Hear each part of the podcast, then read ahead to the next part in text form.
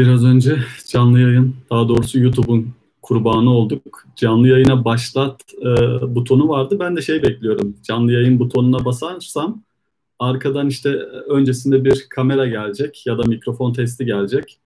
Ben de e, güzelce test edeceğim. Sonra okey diyeceğim, başlayacağım. Bastığım gibi başladı. O yüzden bir önceki yerde patlamış oldu. Anında kendimi bir canlı yayında buldum. Ee, öyle olunca da mecburen o yayını sonlandırmak zorunda kaldım. 20 dakika öncesinden bir test yapayım istemiştim.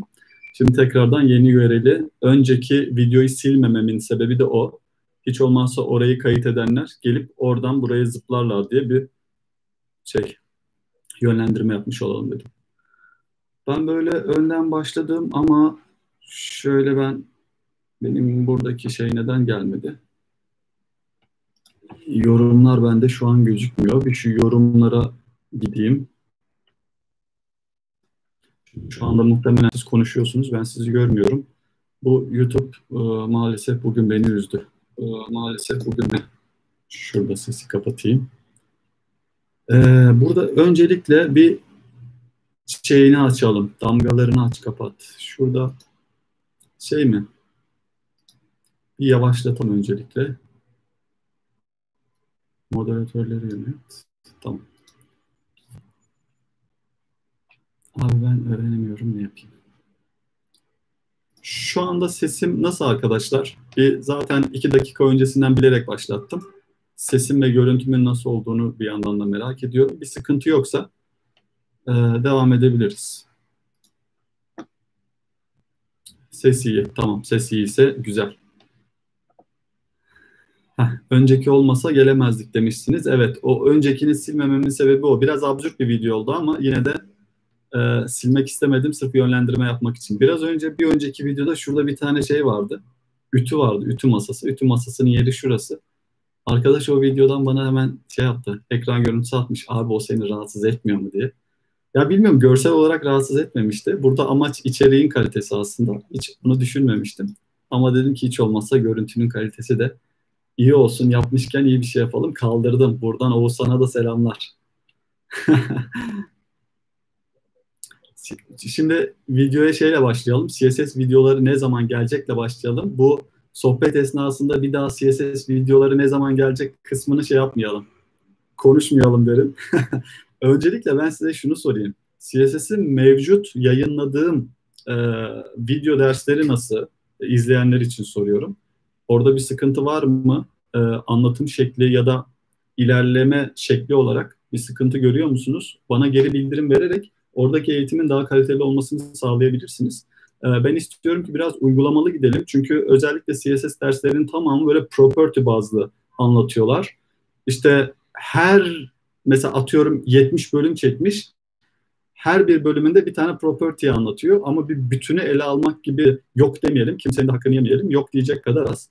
Ee, eğitimin uygulamalı olması her zaman e, daha iyi e, ee, CSS videosu ne zaman gelecek kısmına cevap vermedim. CSS dersleri e, bu Twitter uygulamasını bitirdikten hemen sonra ona geçeceğiz arkadaşlar. Twitter uygulamasını çünkü gerçekten e, bayağı e, istediğim gibi ilerliyor. İçime siniyor. Yani Twitter uygulaması yeni başlayanlar için değil aslında birazcık daha neyin ne olduğunu bilen, e, böyle parça parça bilen ama bir türlü oturmuş böyle tam bir proje yapmamış kişiler için böyle story yöneten, storybook yapan, komponentleri parçalara ayırdığımız, CSS modül yazdığımız falan bir sürü e, tam manasıyla bir iş yerine girdiğinizde e, böyle bir projeye sıfırdan baştan sona bitirebileceğiniz örnek bir proje kıvamında ilerliyor. O yönden Twitter e, videoları çok hoşuma gidiyor. Bitirdiğimde tekrar CSS'e geri döneceğiz. Ee, şimdi Yaklaşık 92 kişi izliyor. Hiç tahmin etmiyordum bu kadar fazla olacağını. Çünkü şu anda yayının başladığını Twitter'da bile duyurmadım yeni linki. Ee, biz bize kalalım şimdi duyurmayalım.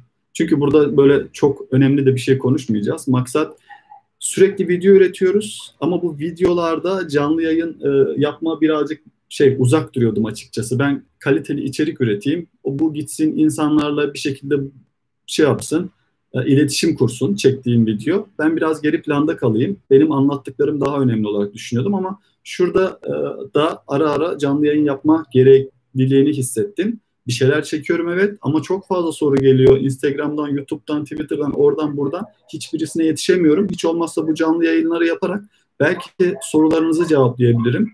Ee, dağılmış sorularını, cevaplamadığım soruları.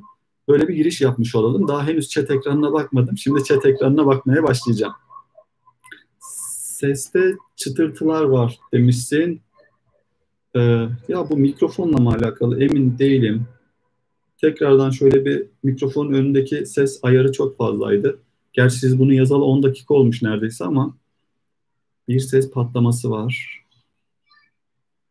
Ha, hocam HTML JavaScript. Evet. Benim için çok iyiydi. Devamını bekliyorum. Süper. Herkes CSS videolarından gayet memnun kalmış şey konusunda. Eğitim nasıl gidiyor dediğim soruya cevap vermişsiniz. Süper. Bu arada en, mesajın bir en sonuna bakayım. Şu anda cızırtı var mı arkadaşlar? Mesajın en altına indim şu anda. Seste cızırtı hala devam ediyor mu? Bende yok diyorsunuz. Tamam. Arada sırada oluyor. Muhtemelen cızırtı var. Hocam patlıyor. Evet var. Nasıl oluyor acaba ya? Şu anda tek yaptığım şey mikrofonu bağlamış ve mikrofon önümde. Acaba e, Sebebini bilmiyorum inanın, inanın ya. Nadiren de olsa. Çok özür dileyerek şu anda yayın hani sakata gelmesin diye şu an bir şey yapmayacağım ama bu problem uzun süredir sürüyor. Birazcık dayanabilirseniz iyi olur bu cızırtı meselesine. Ee, bu CSS konusunda arkadaşlar bakın CSS'e ister yeni başlayın, ister orta seviye isterseniz iyi derecede bilin. Hani Flexbox konusunda eksikseniz mutlaka Flexbox hakkında çektiğim videoyu mutlaka izleyin. Çünkü o videoyu önce yani şöyle o videoyu izledikten sonra bir CSS'i o videodan önce yazım şekliniz oluyor. Bir de o videodan sonra CSS yazım şekliniz oluyor. Flexbox hayatınıza çok büyük değişiklik katacak ses sese. Bakış açınızı birazcık da değiştirebilir diye ümit ediyorum. İzlemediyseniz mutlaka izleyin. Ee, çok iyi gerçekten. Bakayım izlemiyorum. O yüzden yeni video atmanı bekliyorum. Evet benim videolarımı beklerken başka hiç kimsenin videosunu beklemeyen de arkadaşlarımız varmış. Okey. Yani e, arkadaşlar elimden geldiğince şey yapacağım. E, çok da sizi üzmemeye çalışacağım.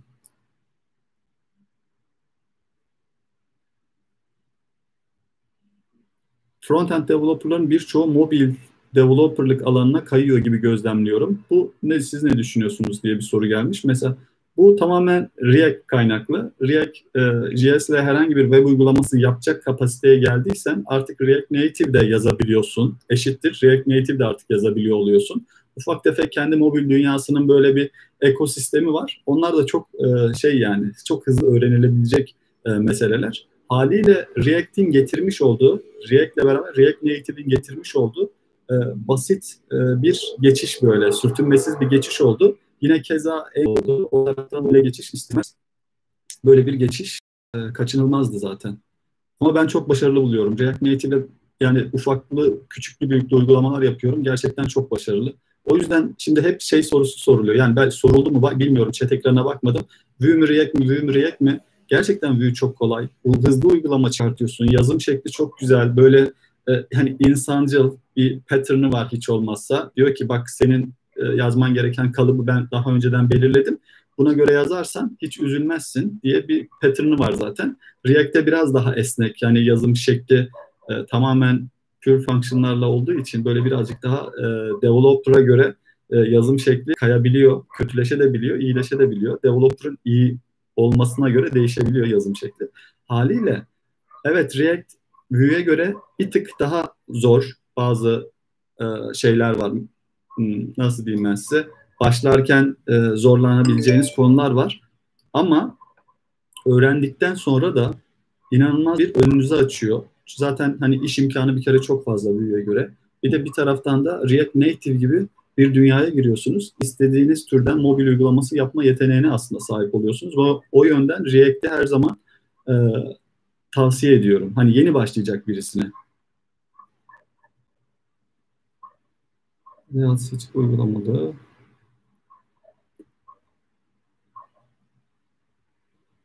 Mesela şey demiş, herkes CSS'i yüzeysel anlatıyor. Ben CSS biliyorum sanıyordum. Reset CSS'i yeni öğrendim. Reset CSS. Ben bir kere şey görmüştüm. İş başvurusu yapmıştı bir arkadaşım birisi. Yani hani iyi seviyede ya da orta seviyede bir arkadaştı. Çalıştığım bir yerde şeydi. Yani önce normalde main CSS'i koymuş, sonra altına reset CSS'i koymuş böyle. Reset CSS main'den sonra geliyor falan. Hani o yani orta seviye diyebileceğiniz bir insan bile bu tarz hatalar yapabiliyor. Aslında e, sürekli kod okumak lazım. Yani GitHub'dan iyi olan projelerin kodunu sürekli okumak lazım. E, kendi dünyamızda kalmayalım. Yayın kaydedecek miyiz? Kaydediliyor şu anda. YouTube zaten kaydediyor. Benim ekstra bir şey yapmama gerek yok. Ya JavaScript eğitimi sıfırdan çekmek bana çok şey geliyor ya. Ee, JavaScript eğitimi çekmeyi düşünüyor musun falan diye sormuşlar da çok zor geliyor. Şundan dolayı e, sıfırdan çok büyük bir dünyaya e, giriş yapıyorsun ve bunu gerçekten böyle anneye anlatır gibi tane tane anlatmak lazım. Orada bana birazcık açıkçası zor geliyor o iş. Sıfırdan JavaScript anlatma kısmını şu, şu an hiç planlarımın arasında yok. Bakın dediğiniz farklı bir bakış açısı var mı bildiğin framework veya teknoloji? Son dönemde farklı bir bakış açısı framework veya teknoloji bilmiyorum. Son zamanlarda yaptığım bütün projeleri Next.js ile yapıyorum. Aşırı derecede kolay bir altyapı sağladığı için hani çok hızlı her türlü CSS e, tarzında yazım şekli sunuyor. İşte TypeScript otomatik default'unda geliyor. Environment dosyaları çok hızlı tanımlıyorsun. Böyle inanılmaz bir web framework'ü yapılmış. Yani frontend tarafında. O yüzden Next e, Next'e bakabilirsin. Hiç bakmadıysan. Onunla alakalı videolar çektim. Mutlaka işine yarayacaktır. Ee, Reset CSS'e ne gerek var diyordum artık sayende biliyorum. Reset CSS önemli arkadaşlar. Reset CSS bildiğin CSS'te e, 101 yani. CSS 101. Olmazsa olmazımız. Nasılsın iyi misin? Çok şükür. Çocuklarla boğuşmaca. Evde iki çocuk olunca e, bir yandan normal mesai saatlerinde çalıştığım yerdeki işlere bakıyorum. Sonrasında çocukları o mesai bittikten sonra parka çıkartıyorum. Birazcık onlarla ilgilenmeye çalışıyorum. Sonrasında geliyorum çekeceksem video çekiyorum. İşte yayın yapacaksam yayın veya hobi projeleri yapacaksam hobi projelerime bakıyorum. Ee, ki keza en son yayınladığım proje, projeyi de muhtemelen biliyorsunuzdur. Ben yine şuraya bir link atayım. Ee, kaynak kodlarını da paylaştım. Şuraya linki de atmış olayım. Ee, GitHub'da da bu projenin Aynı zamanda GitHub'dan da kaynak kodlarına erişebilirsiniz. Böyle mesela bakın etiket mantığı olan, etiketlere bakabildiğiniz, sayfalaması olan bir tane aslında blog tarzında e, bir şey geliştirdim Next.js'le. Blog diyebiliriz aslında, ha, haber sitesi. Haliyle burada siz de benzer bir şey yapmak istiyorsanız buradaki kaynak kodu okuyarak e, belki şey yardımcı olur size. Onu da göndermiş olayım. Seste cızırtı var. Ben birazcık şöyle kendimi geri çekeyim. Çok yakın olduğum için mi cızırtı oluyor? Ondan da emin değilim. Şöyle bir durayım. Ee,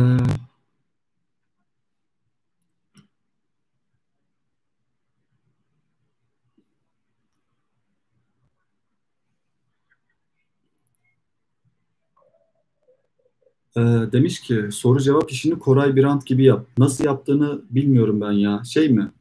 Daha önceden mi seçiyor soruları? birkaç tane izledim ama hani öncesinde nasıl hazırlanıyor, soruları nasıl alıyor onu bilmiyorum ama birkaç tane soru cevabını izlemiştim.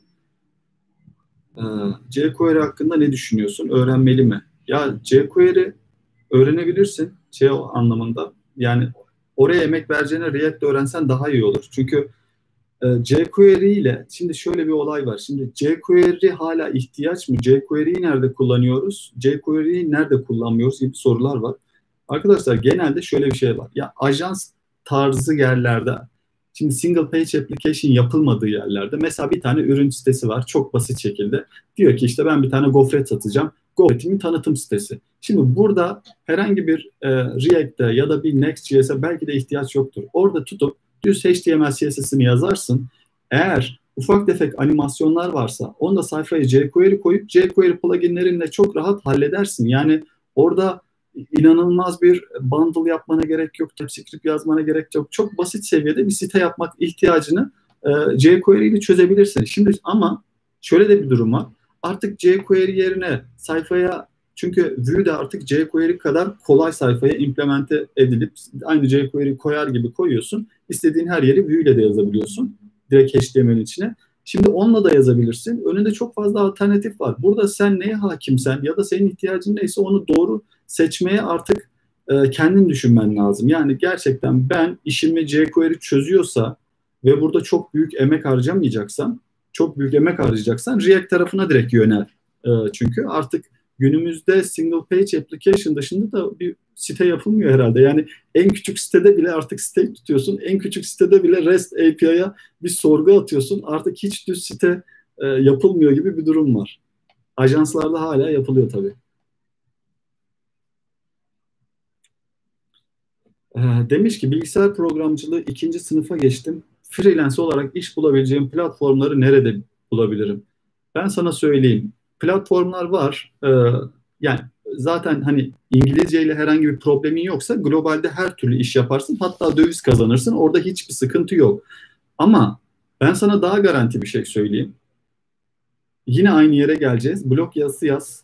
Blog yazılarınla e, kendini birazcık sektörde bilinir hale getir.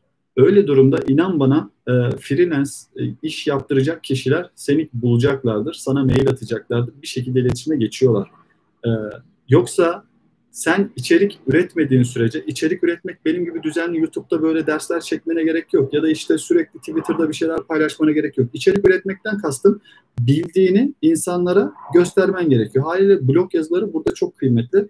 Blog yazılarıyla birazcık sektörde bilinirliğini arttır. Ee, yeni teknolojilerden, yeni e, şeylerden bildi, bildiğin kadarıyla anlatmaya çalış. Her zaman bilinirlik o yönden iyidir. Mesela ben CodePen ilk çıktığında CodePen'de inanılmaz örnekler yapıyordum. Yani şey yapıyordum. Orada birazcık üst sıralara çıkayım. İşte birazcık beni tanısınlar. Buradan bol bol örnekler yapayım. Zaten benim CodePen'deki bütün örneklerim ilk e, çıktığı yıllarda muhtemelen 3-4 sene önce. Hatta CodePen ilk yayınlandığında benim bir tane işim var. Flipboard diye şey yapıyor. E, şey geri geri sayan bir e, şey var. Kart var. E, orada şey vardı. CodePen'in en iyi yüzü açıklanmıştı. İlk defa en iyi yüzü açıklanmıştı. Orada üçüncü, üçüncü sırada e, üçüncü sıraya girmiştim. Öyle de bir bilinirlik yapmıştım. Yani hem Türkiye bazlı hem global bazlı bir bilinirlik yapmak için çok fazla platform var.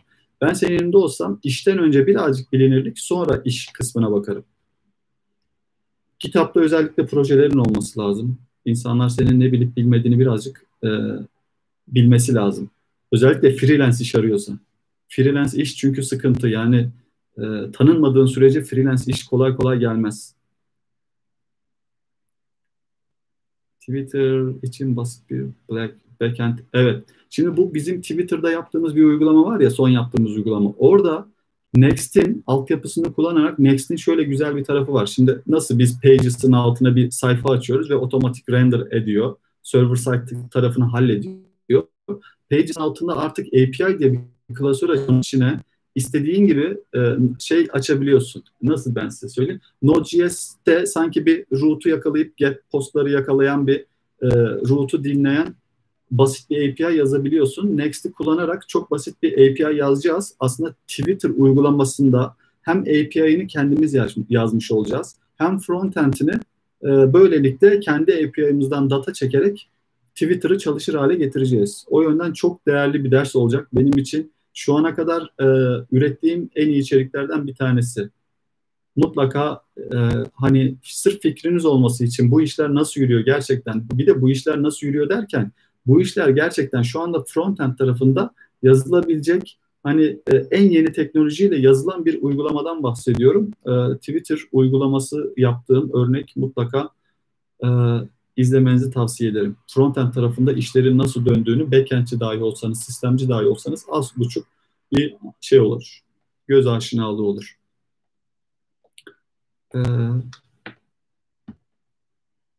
o kadar çok şey varmış ki ben yanlış scroll'u yanlış tarafa e, scroll bitmiş sonrasında tıkanmış orada tekrar yenilendi. MacBook'u OS için mi yoksa makinenin kendisi için mi kullanıyorsunuz?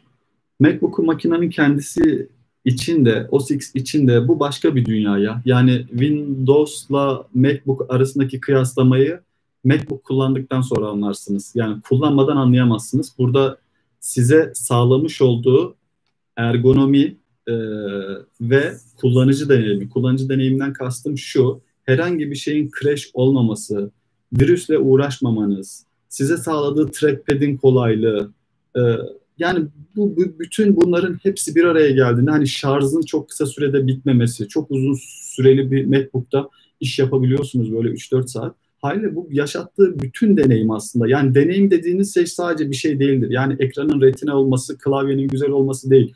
Deneyim dediğiniz şey bir bütündür. Yani ilk MacBook'u satın alması sürecinden başlar, web sitesinden başlar bir ürünü incelerken. Satın almasına geçersin, orada çok iyi deneyim yaşarsın. Ürün eline gelir, ürünün paketlemesi çok iyidir, deneyim çok iyi yaşarsın. Açarsın, kullanırsın, işletim sistemi kaymak gibidir, donanım çok iyidir. Bu bütün süreç satın alma aklınıza düştükten, satın alıp kullandıktan sonraya kadar bütün hepsi bir deneyim. Haliyle buradaki deneyim size marka çok iyi yaşattığı zaman siz e, diyorsunuz ki tamam olay buymuş. Yani olay aslında bilgisayarın 256 GB RAM'i olması değil ya da işlemcisi olması değil. Bütün yaşattığı deneyim. Bu her, her ürün için böyledir yani. Sevdiğiniz bütün markalara dikkat edin. Muhtemelen deneyimi çok iyi yaşatıyordur. Abi SAS ve SCSS hakkında ne düşünüyorsun? İkisi de aynı şey. Birisinde süslü parantez açıyorsun, birisinde noktalı virgül koyuyorsun, diğerinde süslü parantez ve noktalı virgül yok. İkisi birbirinin aynısı. Biliyorsunuzdur herhalde. Bilmiyorum bu tarz sorular şey geliyor. Ee, basit sorular bunlar arkadaşlar. Ee, abi Flex'le yapmak. Her şeyi Flexbox'la yapmak ne kadar doğru? Hiç problem yok. Ben size şöyle söyleyeyim. React Native yazanlar benim ne demek istediğimi anlayacaktır. React Native'de her bir view flexbox tanımlı olarak geliyor. Flexbox tanımlı siz sadece align item mı, işte justify content mi, flex direction'ı row mu, column mı olarak ayarlıyorsunuz. Her şeyi flex ile yapabilirsiniz. Burada hiçbir problem yok. Yeter ki tasarımın aynısını yapın. Hatta şey bile yapabilirsiniz yani. CSS'in en üstüne yıldız süslü parantez display flex. Sayfadaki her şey flex olsun. Hiç problem yok. İki kutunun yan yana gelme hikayesi gerçekten çok güzeldi. Hani ben kendim bazı sevdiğim videolarım var. O da onlardan bir tanesi. Herkes de zaten videonun en çok izlenmesi de onu gösteriyor. Herkes de sevmiş. Hocam grid eğitimi de yapacak mısınız? Grid eğitimi gerçekten fokusumda. Grid eğitimini kısa süre içinde yapacağım. Çünkü CSS grid'i özellikle ben son zamanlarda aşırı derecede yakından takip ediyorum. Yeni çıkan web sitelerini inceliyorum. İşte grid ile yapılmış grid kullanma yöntemlerine bakıyorum. E, grid ile alakalı şeyin Mozilla'nın çok güzel bir YouTube kanalı var. E, orayı falan izliyorum. Yani şöyle söyleyeyim. Biraz önce dedim ya yani Flexbox öğrendikten önce ve öğrendikten sonra diye CSS ikiye ayrılıyor.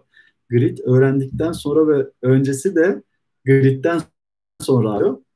Yani Flex kadar çok büyük bir şey hayatınıza katmıyor. Çünkü CSS hayatı boyunca hep böyle saçma sapan e, dümdüz yani hiç böyle seni wow dedirtecek bir özellik çıkmadı. İşte şunu ekledi, bunu ekledi, şunu ekledi. En son Display Flex ile beraber CSS'e gelen en büyük yenilikti son zaman yani çıktığından beri belki de. Şimdi Grid de o Flex kadar çok büyük bir yenilik değil ama e, eminim şey olacak yani aydınlanma yaşayacaksınız. Çünkü layout düzenini çok güzel organize ediyor.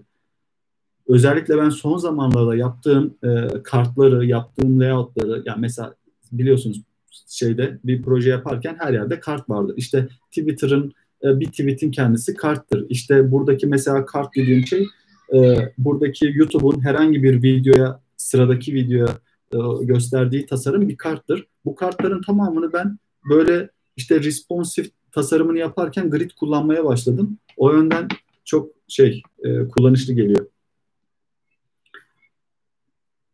E, Telegram hesabını bilmiyordum. Paylaşır mısınız? Arkadaşlar Telegram hesabını bilen varsa paylaşsın yoksa en son paylaşırım ben. Hemen geliyorum. Kaydet yayın kaydedilecek arkadaşlar. Hocam React'te hooks kullanımını öneriyor musunuz? Kesinlikle öneriyorum. Ee, zaten React'te artık eski yöntemle yani React.component diyerek class komponent yazmak yerine function komponent çok daha kolay. Kodun e, bir anda böyle 50 satırdan gidiyor 5 satıra düşürüyor. Evet ilk başta böyle magic gelebilir. Çünkü orada use state'ler var. İşte yani hook'larla beraber gelen işte use event, şey efektler falan var.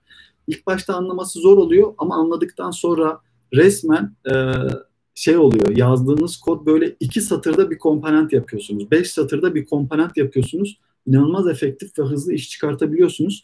O yönden hook'ları kesin kullanın. Function komponentleri özellikle kullanın. O, onları e, geçişinizi yapın.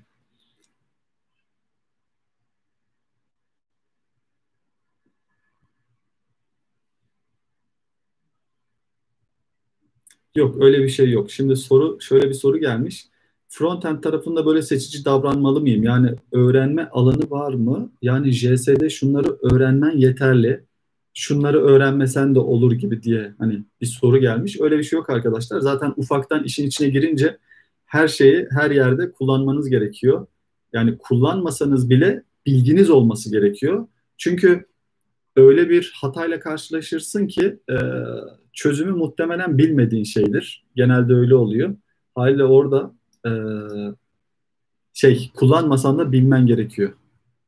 Genel olarak zaten her, her şey böyledir. Yani web dünyasında her şeyi böyle e, senin alanına girmeyen bir konuyu bile kulaktan dolma biliyor olman lazım. E, çünkü yeri geldiğinde neye bakacağını e, önceden duymuş olman gerekiyor. Hocam Angular'dan bütün sektör nefret ediyor gibi. Sizce bunun sebebi nedir? İlginç bir şey var. Gerçekten Angular'ı sadece şey gibi böyle C Sharp yazanlar seviyor. Çünkü neden? C Sharp'ı yazanlar Angular'da yazabiliyor. Çünkü oradaki pattern neredeyse birebir sintaksına kadar çok birbirine benziyor.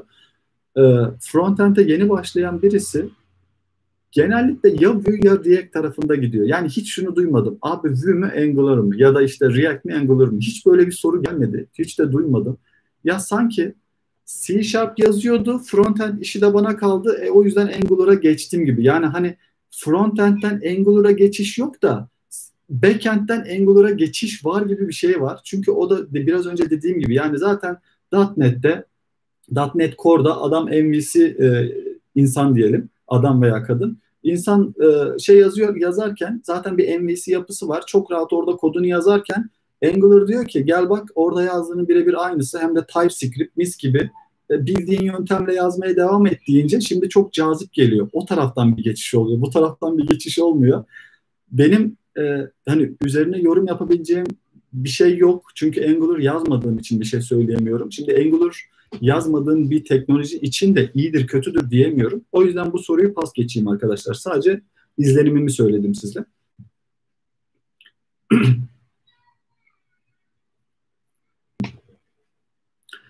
React Native ile GPS tracking sistem yapılabilir mi? 10 tane bisiklet nerede olduğu, kaç kilometreyle gittiği gibi istatistiklerde takip etmekte olacak şekilde. İlginç bir soru. Bu arkadaşın sorusunu eğer biliyorsanız konuda şey varsa, ilgili olan birisi varsa mutlaka chatte yazarsa sevinirim. Arkadaş demiş ki React Native ile GPS tracking yapacağım. 10 tane bisikletin nerede olduğunu, kaç kilometre hızlı gittiğini falan bilgilerini almam gerekiyor. Öyle bir şey sormuş.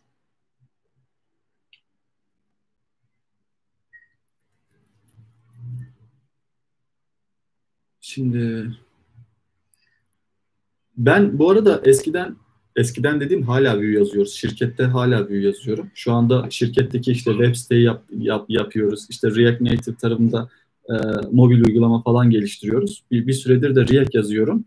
Eskiden dediğim tam zamanlı olarak işte Protel'de çalıştığım zamanlar Vue ile başladığım için diyorum. İlk girdiğimde JavaScript'ten herhangi bir işte Vue mi React mi kısmında Vue'ye çok e, sıcak e, geliyordu o zamanlar. Öyle başlamıştık. Çok uzun bir süre Vue yazdım. Sonra kendi kendime işte dedim ki ya bir de React dünyasına bir bakayım. React dünyasına girdikten sonra bir daha böyle şey olmadı. Ee, yeni bir proje başlattığım zaman hep React tarafında ilerliyorum. Ee, öyle de bir şey var. İlginçtir. Şimdi birisi soru sormuş. Abi Vue bana hiç sıcak gelmedi. Başlarken gayet kolay geliyor ya. Özellikle jQuery'den geçiş yapanlar için Vue biraz daha anlaşılır. Yani ben hep şöyle diyorum zaten. Vue'nin store yönetimi daha kolay. Vue'nin router yönetimi, root yönetimi daha kolay kullandığı pluginler. Ee, diyorum ki ilk önce Vue ile başla. Orada store nasıl kullanılıyor? Yani aslında ne işe yarıyor? Ne, store hangi ihtiyacını çözüyor? Bir orada gör. Çünkü oradaki gerçekten store yönetimi çok basit. Oradaki router da çok basit. O nasıl yapıyorsun ön tarafta page'ler arası geçişleri vesaire. Hatta page'ler arası geçişleri yaparken bu store'u global store'u nasıl tutuyorsun diye. Önce Vue'de öğren, sonra React'e geçince anlaması kolay olur diyorum. Çünkü React dünyasında böyle bodozlama Redux'a girersen zaten orada bir yanıyorsun. Ee, haliyle biraz sıkıntı olabiliyor.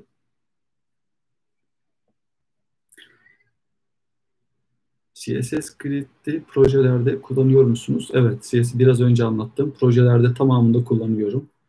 Internet Explorer desteği. Arkadaşlar bir de artık Internet Explorer demeyelim.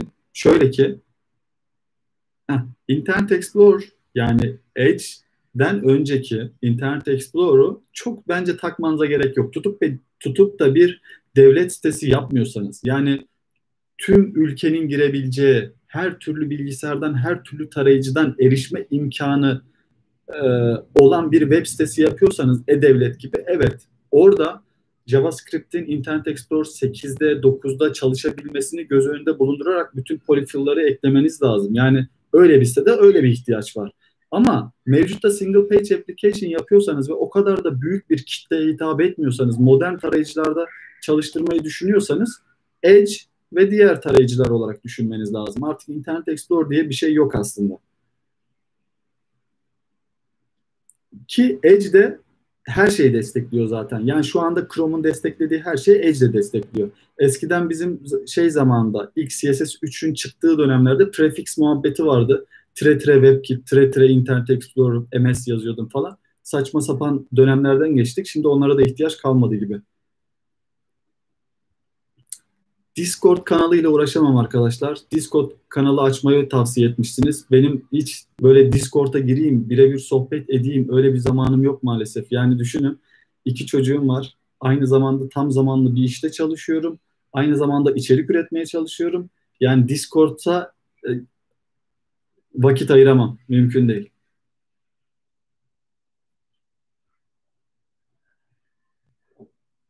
Ee, çok fazla soru var. Çok fazla soru var. Ben böyle ufak ufak gidiyorum. Muhtemelen siz diyeceksiniz ki abi biz yarım saat önce sorduğumuz soruları cevaplıyorsun. Çünkü şey yapmak istemiyorum. Böyle soru atlayıp e, atlamak da istemiyorum. Çok güzel sorular soruyorsunuz ama hiç katıl butonuna tıklamıyorsunuz sizi köfteler. Hocam React Native ile GPS tracking sistem yapabilir miyiz? Ha, bu, bu sormuştum biraz önce bunu. Ama cevabı bilmiyorum. Olarak sıfırdan bir proje geliştirme fikri olabilir. Sıfırdan. Buradaki soruyu anlamadım. Abi yeni videolarla sıfırdan bir proje yeni geliştirme fikri iyi olabilir. En azından yeni başlayanlar proje nasıl geliştirir öğrenmiş olur. Bu benim yaptığım Twitter uygulaması biraz ağır kaçtığı için mi bunu ta acaba bunu tavsiye ediyorsun onu tam anlamadım. Abi yeni video ilgili sıfırdan proje onu söyledik. Flutter geliyor. Bebeleri pistten alalım. Flutter. Flutter hiç kullanmadım ama Flutter kullanan herkes memnun. Bu arada yani kötü teknoloji yoktur. Tekrar söylüyorum. Yani ister Angular yaz, ister Vue yaz, ister React, ister Flutter. Sen senden istenen işi ya da senin ihtiyacını çözecek işi sen yap, yapıyor musun? Yaptın tamam. Gerisi tırvırı abi. İsteyen istediğini konuşsun ya. Gerisi tırvırı yaptığın araç para kazandırıyorsa abi istersen Pascal'la yaz, istersen C Sharp'la yaz, istersen Java'yla yaz. Ne fark eder ki? Yazdığın aracın para kazanıyor olması bütün o e, konuşulan muhabbeti bir anda siler atar.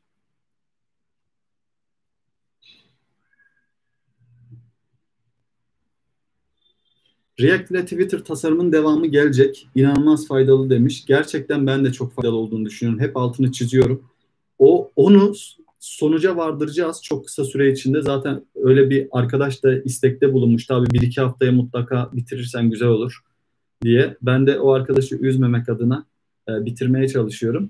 E, yine böyle tık tık tık ikişerli üçerli videolar gelecek mu, mutlaka. Hafta sonuna kadar biraz yoğunluğum var. Hem normal e, iş hem içerik üretmeye çalışıyorum falan. Ama hafta sonu Twitter'la alakalı videolara devam edeceğiz arkadaşlar.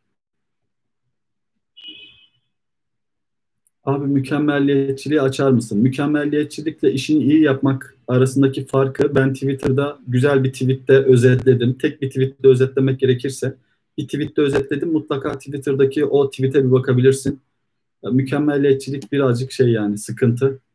İş bitirmemeye sebep oluyor. Mükemmelliyetçi olmayın. İyi iş yapın. Arasında fark var. İş başvurularında hep minimum iki yol deneyim, deneyim istiyor. İki yıl deneyim istiyor. Deneyimi olmayan arkadaşlara ne önerirsiniz? Şöyle söyleyeyim.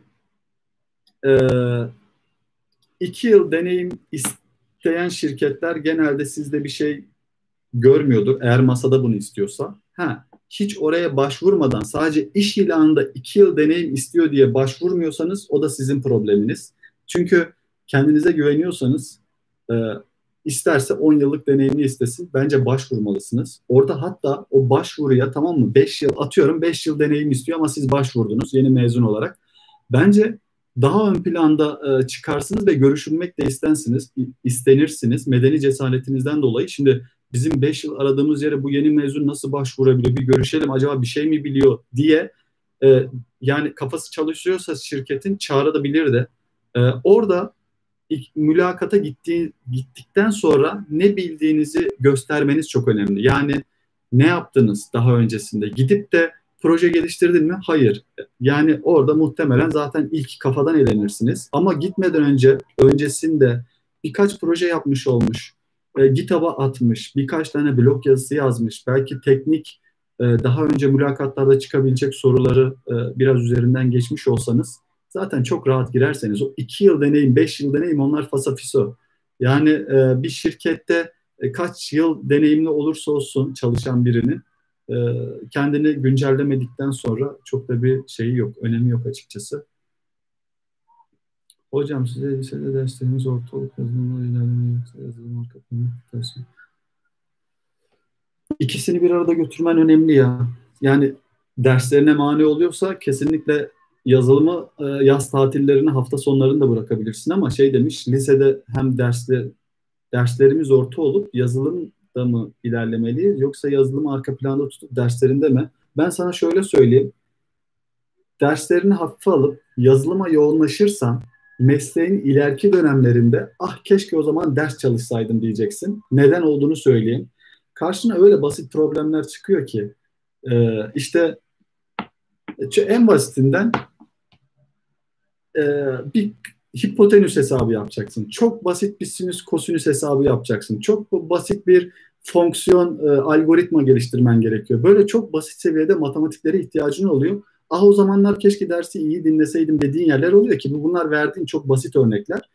Yani matematik bir insanın her zaman benim en önemli tuttuğum şey İngilizceden de öncesi. Çünkü hangi derslere önem vereceğini ben bilmiyorum ama matematik kesinlikle çok önem vermek lazım. Bir insanın öğrenmesi gereken iki şey var. Biri matematik, biri İngilizce. Sonrası zaten ne öğrenmek istiyorsan öğrenirsin. Orada derslerin mutlaka şey yapmaya, atlama yani. Yazılımı gerekirse bir, bir sene geç öğren.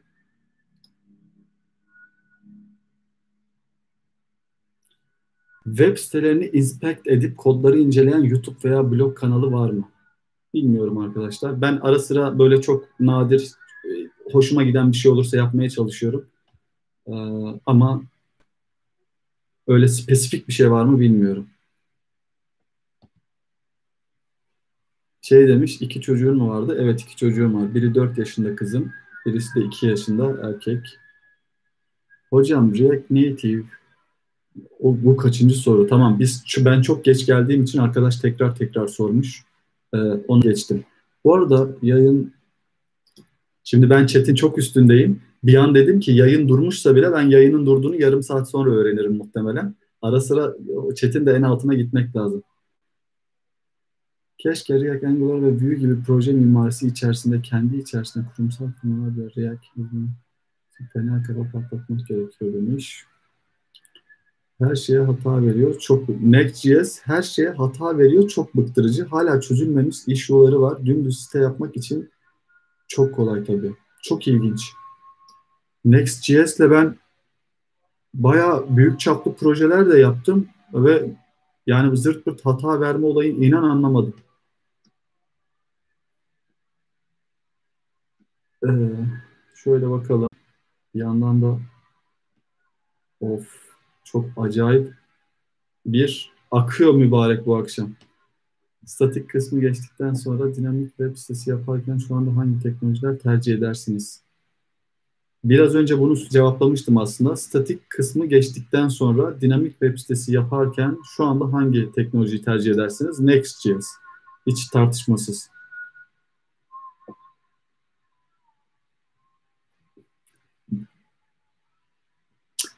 Context büyüktür Redux'tan. Katılıyorum ben bu arada. Hiç Redux'a o kadar kompleks bir store management e, mimarisini öğrenmek ha, teknik e, şey açısından e, önemli. Hani oradaki metodolojiyi aslında oradaki e, çözdüğü problemin ne olduğunu state yönetme işini özellikle state machine mantığında çözdüğü için özellikle orada şey e, fonksiyonel programlamada birkaç tane kavramı aynı anda e, içinde barındırdığı için Redux anlamak için önemli ama şu aşamada öğrenilir mi derseniz bence hiç gerek yok. Context, Mobix gibi store yönetim taraflarından bence ilerleyin. Daha gençsiniz. Gerek yok saçınızı beyaz, beyazlaştırmaya.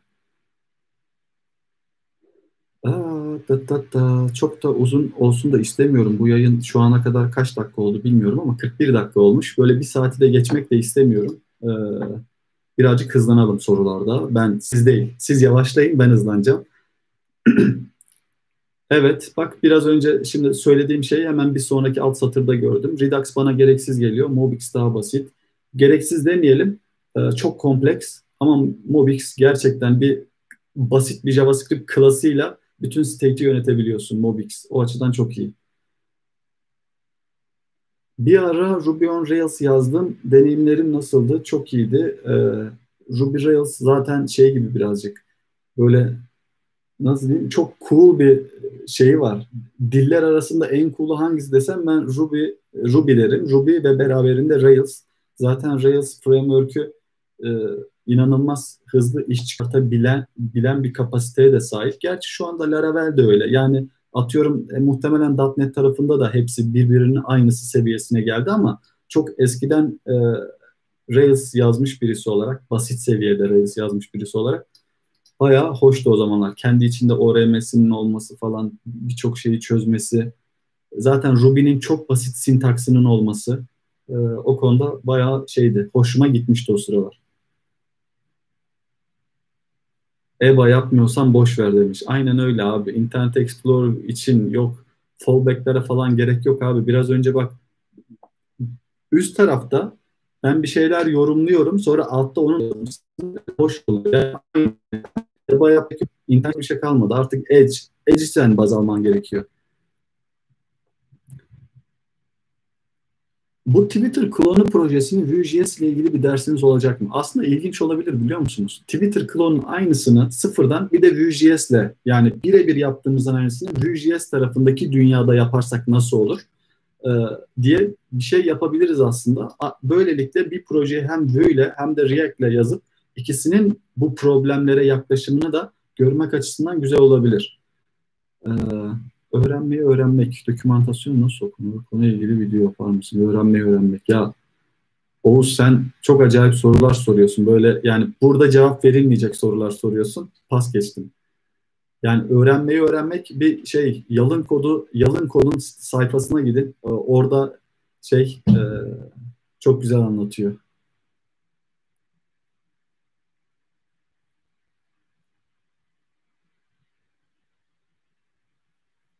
Bilmiyorum yine. Sorular, başka YouTuber'lar hakkında bana sorular sorulmuş. Onları direkt pas geçtim. Merhaba Adem abi, hangi üniversiteye gittiniz? Güzel soru. Ee, üniversiteye gitmedim arkadaşlar. Ben meslek lisesi mezunuyum. Meslek lisesi makine ressamlığı bölümü. Ee, benim zamanımda meslek lisesi 4 senelikti. 4 seneydi yani. 4 sene meslek lisesinde AutoCAD ikinci sınıftan başlayarak AutoCAD kullanmaya başladım. Ee, çok uzun süre AutoCAD'de çizimler yaptım askere kadar yani 20 yaşına kadar. Ee, üniversiteye açıkçası yönlendiren birisi olmadı. O zamanlarda üniversitenin ne işe yarayacağını, derslerim normalde kötüydü benim. Okul hayatım kötü geçti. Üniversitenin önemini açıkçası bilmiyordum. Ee, sonraki hayatımda da ne işe, nereye konumlandıracağını da bilmiyordum.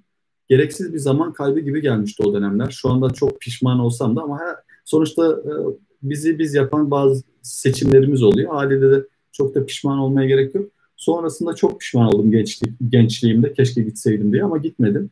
İşte askerden sonra geldim böyle web olaylarına biraz girdim. Photoshop'tu, Flash'tı vesaire. Sonrasında bir baktım C Sharp kursuna gidiyorum. E, Adonet öğreniyorum. E, MS SQL öğreniyorum. Store prosedür yazıyorum. Bir an kendimi böyle backend'de buldum. Hiçbir şey bilmiyordum çünkü yazılım öğrenmek istiyordum. Böyle bir kursta derken e, C Sharp'tan frontend'e hızlı bir geçiş yaptım. Yaklaşık bir, bir sene C Sharp yazdım. Ama e, anladım ki ben birazcık daha tasarımsal mevzuları seviyorum. Hızlı bir frontend'e geçiş oldu. O yüzden üniversite yok arkadaşlar.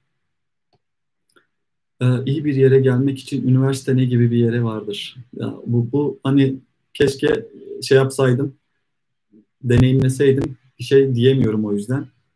Şimdi şöyle bir şey de var yani oradan bakınca ben iyi bir yerde miyim? Hani bu da benim baktığım yerden e, değişebilir. Haliyle bu sizin nereye varmak istediğinizle alakalı değişen bir soru arkadaşlar. Şimdi burada Oğuzhan bizi hala dinliyorsa tam bir üniversitenin gereksiz olduğunu, üniversitenin zaman kaybını olduğunu düşünen bir arkadaşımız. Onunla sık sık biz gün içinde aynı yerde çalıştığımız için sık sık muhabbetini yapıyoruz bunu. Ee, üniversiteye gidip üniversitenin boş olduğunu söyleyen bir arkadaşımız sektör tecrübesinin önemine hep vurgu yapıyor. İnsanın içindeki isteğe vurgu yapıyor. Ne kadar çok istediğine vurgu yapıyor. Ben de hepsine katılıyorum ama bir yandan da üniversitenin boş olmadığını düşünüyorum. Üniversiteye ben şöyle bakıyorum. Şimdi ben nasıl baktığımı söyleyeyim.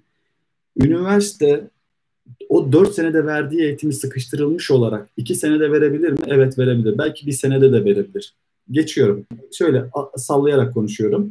Ama üniversite şunu sağlıyor. Sizin aslında o üniversitedeki bütün programı alsanız ve deseniz ki ben buradaki programı kendi kendime öğreneceğim. Muhtemelen hiçbirini vakit ayırıp da öğrenmeyeceksiniz. Üniversite sizi zorunlu tutarak onları öğrenmeni sağlıyor. Ben birazcık öyle bakıyorum. İyi hocalara denk gelir, gelirseniz iyi bir mühendislik de öğreniyorsunuz. Ee, iyi hocaları gelirseniz sektör konusunda belki tecrübelerini de paylaşır. O konuda da tecrübeniz olur. Ama her şey sizde bitiyor. Yani üniversite bitirdim niye iş bulamıyorum diyorsanız sebebi üniversite değil, sebebi sizsiniz. Bir kendinize tekrar bir sorgulamanız lazım. Üniversite hayatım boyunca ben ne kadar e, faydalı geçirdim zamanımı onu kendinize sormanız lazım. Üniversitenin orada size yani bir Harvard'da mezun olmuyorsanız katacağı çok da bir şey yok açıkçası. Tabii ki hani İTÜ gibi böyle köklü üniversiteler ya da e, özel üniversiteler ve köklü üniversiteler ya da e, özel üniversiteler bilgisinden dolayı çok şey katacaktır ama yani normal bir devlet üniversitesine gidip bitirdikten sonra da ben bir yere giremiyorum diyorsanız orada iş birazcık size düşüyor. Şimdi ben bunları anlatıyorum. Bunları anlattıktan sonra sizin cevaplarınızı yaklaşık 10 dakika sonra göreceğim. Belki de bana küfür bile ediyorsunuzdur. Ee, burada bir iletişim şeyi oldu, sıkıntısı oldu.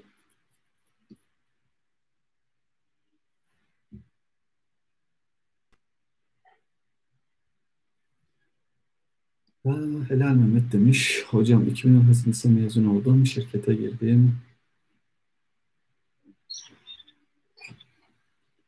Şimdi sorulara son Twitter uygulaması biraz ağır olduğu için React'te yeni başladım. Tamam. Son Twitter uygulaması ağırdır muhtemelen. Orada ben yeni başlayan birisi zaten için önermiyorum. Orada şey birazcık bilgisi olan CSS nedir? Daha önce CSS ile bir şeyler çıkartmış. Ufaktan da JavaScript biliyor e, olan birine hitap ediyorum orada. Şimdi her videoyu giriş seviyesi yaparsak da burada sadece giriş seviyesindeki insanlara seslenmiş oluruz. Yani bu e, mevcut tecrübeyi giriş seviyesi, orta seviye ve daha yüksek seviye olarak bölümlendirmek istiyorum, konumlandırmak istiyorum. O yüzden de böyle içerikler de gelecek. Diyor ki abi YouTube'da hangi tutorial videosu izlesem herkes Mac kullanıyor. Bence birazcık da algı olabilir, birazcık da özeniyor olabilirsin. Yani kötü manada söylemiyorum. Yani Ee, yoksa orada Mac'in çok bir olayı yok. Emin ol. Yani sen güzel bir uygulamayı yani Mac'te yapabiliyorsun da Windows'ta yapamıyor musun? Ya da işte bir MacBook'ta yaparken e, Dell'de yapamıyor musun? Bunların hepsi tırvırı. E, o yüzden olay sizde bitiyor arkadaşlar. Para neden sonraya dönüyorum abi. Selamlar abi. Görüyorum. Yayında gecikme var. Ben de iki yıllıktan mezun olacağım. Tıp tıp tıp tıp tıp tıp tıp. Soruları biraz hızlı geçiyorum. Burada e, canlı yayında sıkıntısı çok hızlı soru geliyor. Soruları takip etmek biraz sıkıntı oluyor. API yazıyor musunuz Twitter projesinde? Twitter projesinde API yazacağız arkadaşlar. Kendi backend'imiz yazıp kendi backend'imizden data alıp yani tweetleri kendi backend'imizden alıp öyle görüntüleyeceğiz. Şu anda ilk başta statik olarak elle gireceğiz. Ee, şey demiş mesela ben biraz önce şey demiştim. Yazdığınız araç para kazandırıyorsa gerisi tırıvırı şey demiş. Ara, yazdığımız aracın para kazandırıyor olması önemli ama daha sonra maintain edebilmek de önemli. Evet yaz, yazdığınız uygulama para kazandırmaya başlıyorsa emin olun gerekirse sıfırdan da yazarsın. Adam da alırsın. Daha sonra onu her türlü e, götürürsün. Ama o ilk çıkış noktasında bununla mı yazayım, bununla mı yazayım? Ya daha para kazanmıyorsun ki çok bir önemi yok. Para kazandırsın.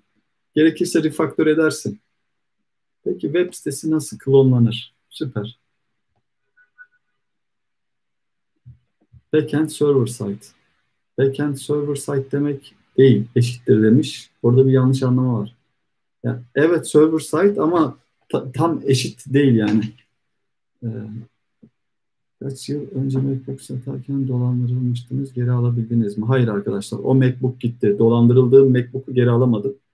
Kişi yakalandı, bir gün nezarette kaldı, geri çıktı, salındı. Birden fazla suç işlemesi gerekiyor. Bunları bir avukatın suç dosyalarını toplayıp en az 3-4 farklı dosyadan e, hakime sunması gerekiyormuş falan. Yani sadece bir mektup çalarak hapse girmiyorsunuz. Aklınızda olsun. Baya temiz iş. Yayın kalacak arkadaşlar. Yayın kalacak arkadaşlar. Burcumu sormuşlar. Çok ilginç. 23 Nisan doğumluyum arkadaşlar. Yani boğa. İlginç bir soru geldi ya. Hiç öyle bir burç sorma işi.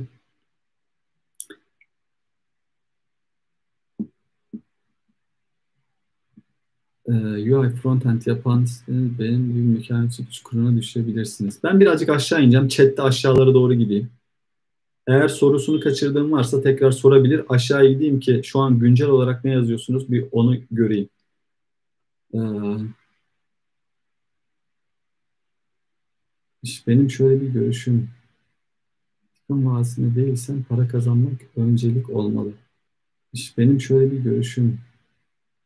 İstihdam vadisinde değilsen para kazanmak öncelik olmalı. Silikon Vadisi'nde yapmak öncelik olmalı. Silikon Vadisi'ndeki ön, paranın ne kadar önemli olduğunu bilseydin Silikon Vadisi falan ayırmazdın orada. Silikon Vadisi'nde oturmanın, o özellikle o Bay Area dedikleri bölgede oturmanın aylık sana bir oda, bir mutfak, böyle bir göz evin 2500 dolar gibi bir şey. Yani orada daha buradaki hayattan daha fazla para ihtiyacın olduğunu sana söyleyebilirim.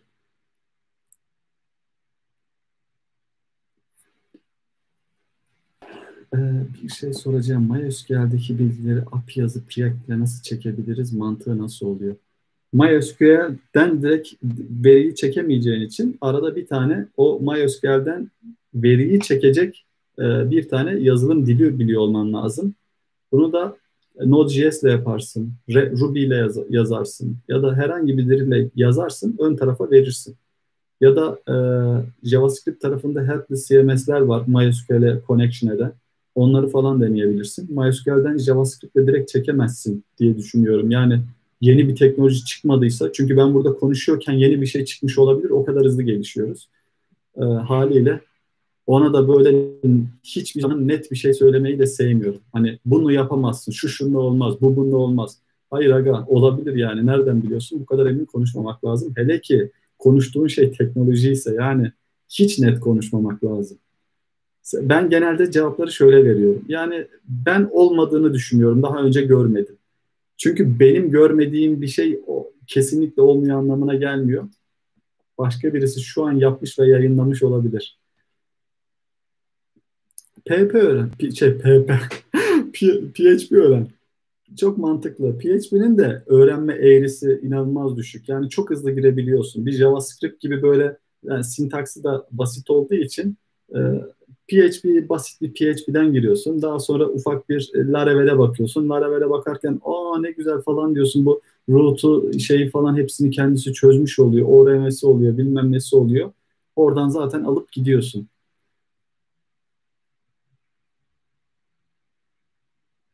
Ee, JavaScript'te yeni başlayanlar için bir seri yapacak mısınız? Bu soruyu cevapladım arkadaşlar. Şu an düşünmüyorum. Ee, bu sene ben kendimi bildim diye Linux övülüyor. Bence balon abi. Oo Gencay sen sen acayip şeyler e, topların altına giriyorsun ya. Yapma böyle. Daha mesleğinde yenisin sanırım. Bilmiyorum. E, böyle büyük topların altına girme. Yenisin diyebiliyorum çünkü Linux övülüyor. Bence balon abi falan demişsin. Oradan yeni olduğunu çıkarıyorum. Yani söylediğin şeyden.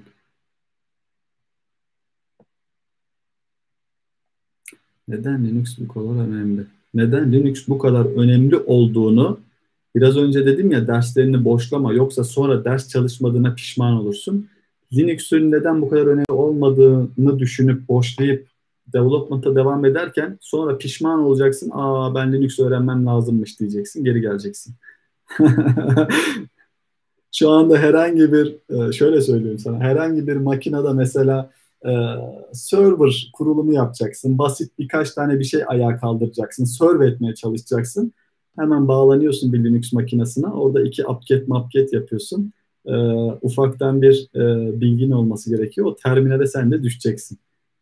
Tasarımcıysan ayrı mesele de yazılımcıysan Linux'suz bir hayatın olmayacak. Onu sana söyleyeyim.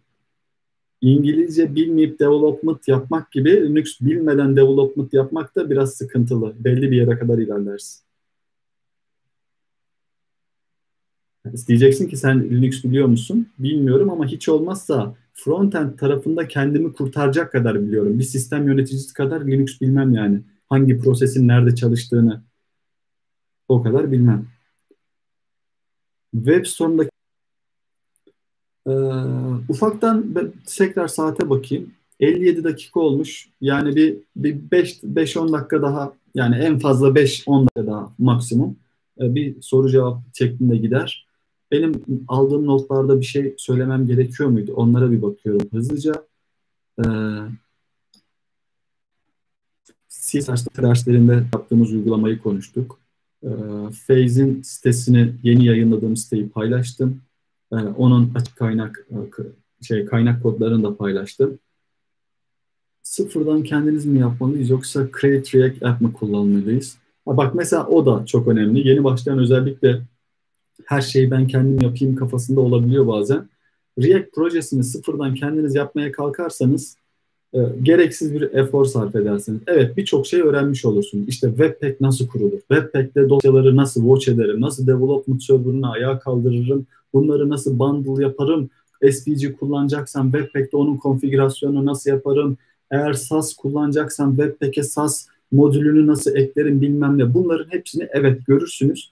Ama gerçekten birazcık da yıpratır. Her şeyi böyle kendiniz otomatize etmeye çalışmayın. Zaten bunları Create React App gibi büyük paketler diyor ki Webpack'te yapılması gereken bütün konfigürasyonları ben yaptım. Sen sadece kodunu yaz, e, koduna hakim ol diyor.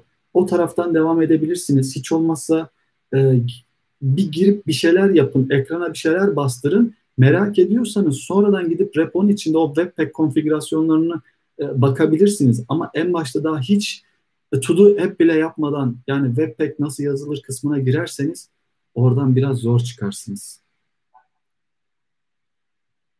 Ee, Svelte hakkında düşüncelerin, proje yapmadığım bir konu hakkında konuşmuyorum. Biraz önce Angular hakkında da konuşmadım. Sadece dışarıdan izlenimlerimi aktardım. Svelte hakkında da e, proje yapmadığım için bir şey söyleyemiyorum. Dışarıdan hoş görünüyor. E, ama piyasada kendine nasıl yer bulacak, e, iş ilanları o konuda nasıl yaygınlaşacak, gerçekten bir Vue gibi o da React'in yanında alternatif bir seçenek olabilecek mi? Bunları bilmiyorum. Belki de olmuştur. E, bilmiyorum henüz.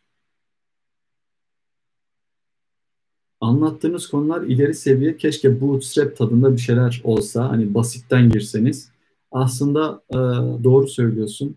Yani yeni giren birisi daha CSS'in Bootstrap'teki grid'in e, hazır framework'lerin, CSS framework'lerin ne olduğunu bilmeden e, direkt böyle React anlattığın zaman zaten biraz uç kaçıyor. Zaten şöyle de bir durum var. Şimdi e, üniversiteden mezun, yazılım e, temellerini bilen, aslında arkadaki e, işlerin nasıl döndüğünü bilen. Bu, bu arada buraya bir parantez daha açayım. Şey çok önemli. Frontend'e mesela nasıl başlarım? Abi frontend'e hani nasıl başlarım kısmından ziyade bir kere internetin nasıl çalıştığını bilmeniz lazım. Özellikle bir frontend developer'ın. Yani arkada protokoller ne? Client'la server birbiriyle nasıl haberleşiyor? O dosyalar kişinin bilgisayarına nasıl iniyor? Arkada nasıl cache'leniyor? Network'den e, tarayıcı üzerinde o network, network sekmesinde gördüğümüz dosyalar nasıl iniyor? Her birinin farklı tipte e, şeyleri var, uzantısı var. Bu uzantılar her biri tarayıcı tarafından tanımlanmış bunları nasıl render ediyor gibi konuları bir kere öğrenmeniz lazım. Yani tutup da siz e, bir REST API'nin, HTTP'nin, bir işte e, FTP'nin çalışma mantığını bilmiyorsanız, yani çok basit temel düzeyde bunları bilmiyorsanız frontend'de bir yere kadar yapıyorsunuz. Yani e, işte CSS'ini yazıyorsun, JavaScript'ini biraz clean oynatıyorsun ama frontend alanında böyle engineering tadında işte ben bunun birazcık mühendislik kısımlarına gideyim, performansını optimize edeyim dediğinizde böyle hep karşınıza böyle Linux takılacak, karşınıza işte böyle client server ilişkisi takılacak, arkadaki işlerin nasıl yürüdüğü takılacak. Yani oraları boşlamayın, oralara mutlaka göz atın arkadaşlar. Yani bilgisayarın, e, internetin nasıl çalıştığını, protokollerin ne olduğunu mutlaka basit seviyede bilmeniz gerekiyor.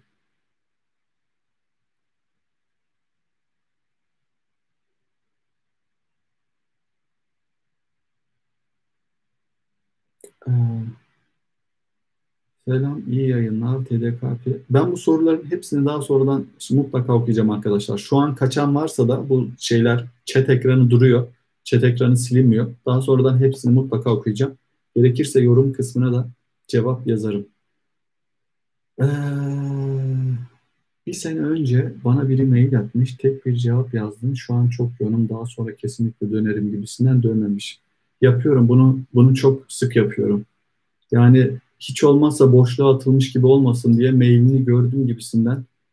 Ee, yeni çıkan CSS kütüphaneleri hakkında ne düşünüyorsun? Yeni çıkan CSS kütüphaneleri. Hangisi işine yarıyorsa kullan. CSS'i biliyorsan hangi kütüphaneyi kullandığının hiçbir önemi yok. CSS'i bilmek önemli. CSS'i bilmeden, CSS'in nasıl çalıştığını anlamadan bir kütüphane kullanıyorsan geçmiş olsun. E, muhtemelen takılacaksın birçok yerde. E, server sitenin sunan Linux makine yerine Windows da olabilir. Olabilir arkadaşlar. Ben sadece örnek verirken Linux dedim. Ama genelde Windows makineler de pahalı olduğu için Linux'e göre çok nadir Windows makine azınlıktadır diye düşünüyorum. Yani bir Linux makineyi şu anda DigitalOcean'da 5 dolara ayağa kaldırıyorsun. Windows makine 5 dolara ayağa kalkıyor mu ondan emin değilim. yani İşin maliyet tarafı çok önemli. Arkadaşlar canlı yayında size bir şey paylaşmak istiyorum. Şu anda bana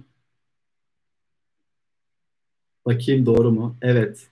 Hey.com'dan yeni bu 37 Signal e, şey var ya Rails'ın kurucularının açtığı Hey.com mail şey var ya e, yeni mail projesi.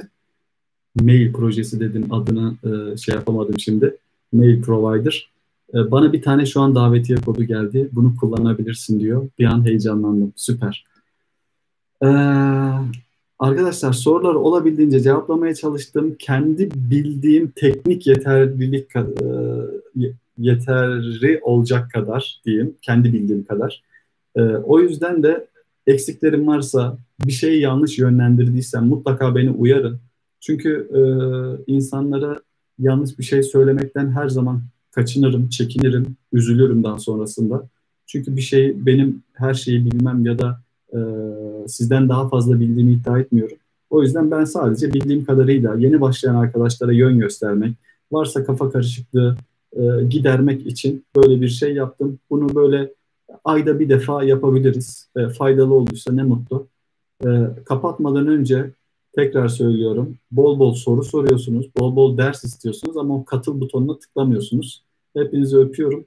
Başka bir canlı yayında tekrar e, görüşürüz arkadaşlar. İnşallah faydalı olmuştur. Ben dediğim gibi kaçırdığım sorular varsa mutlaka bakacağım. Oradan da cevaplamaya çalışacağım. Bir saatten de uzun olmasını istiyorum. Bir saat beş dakika olmuş.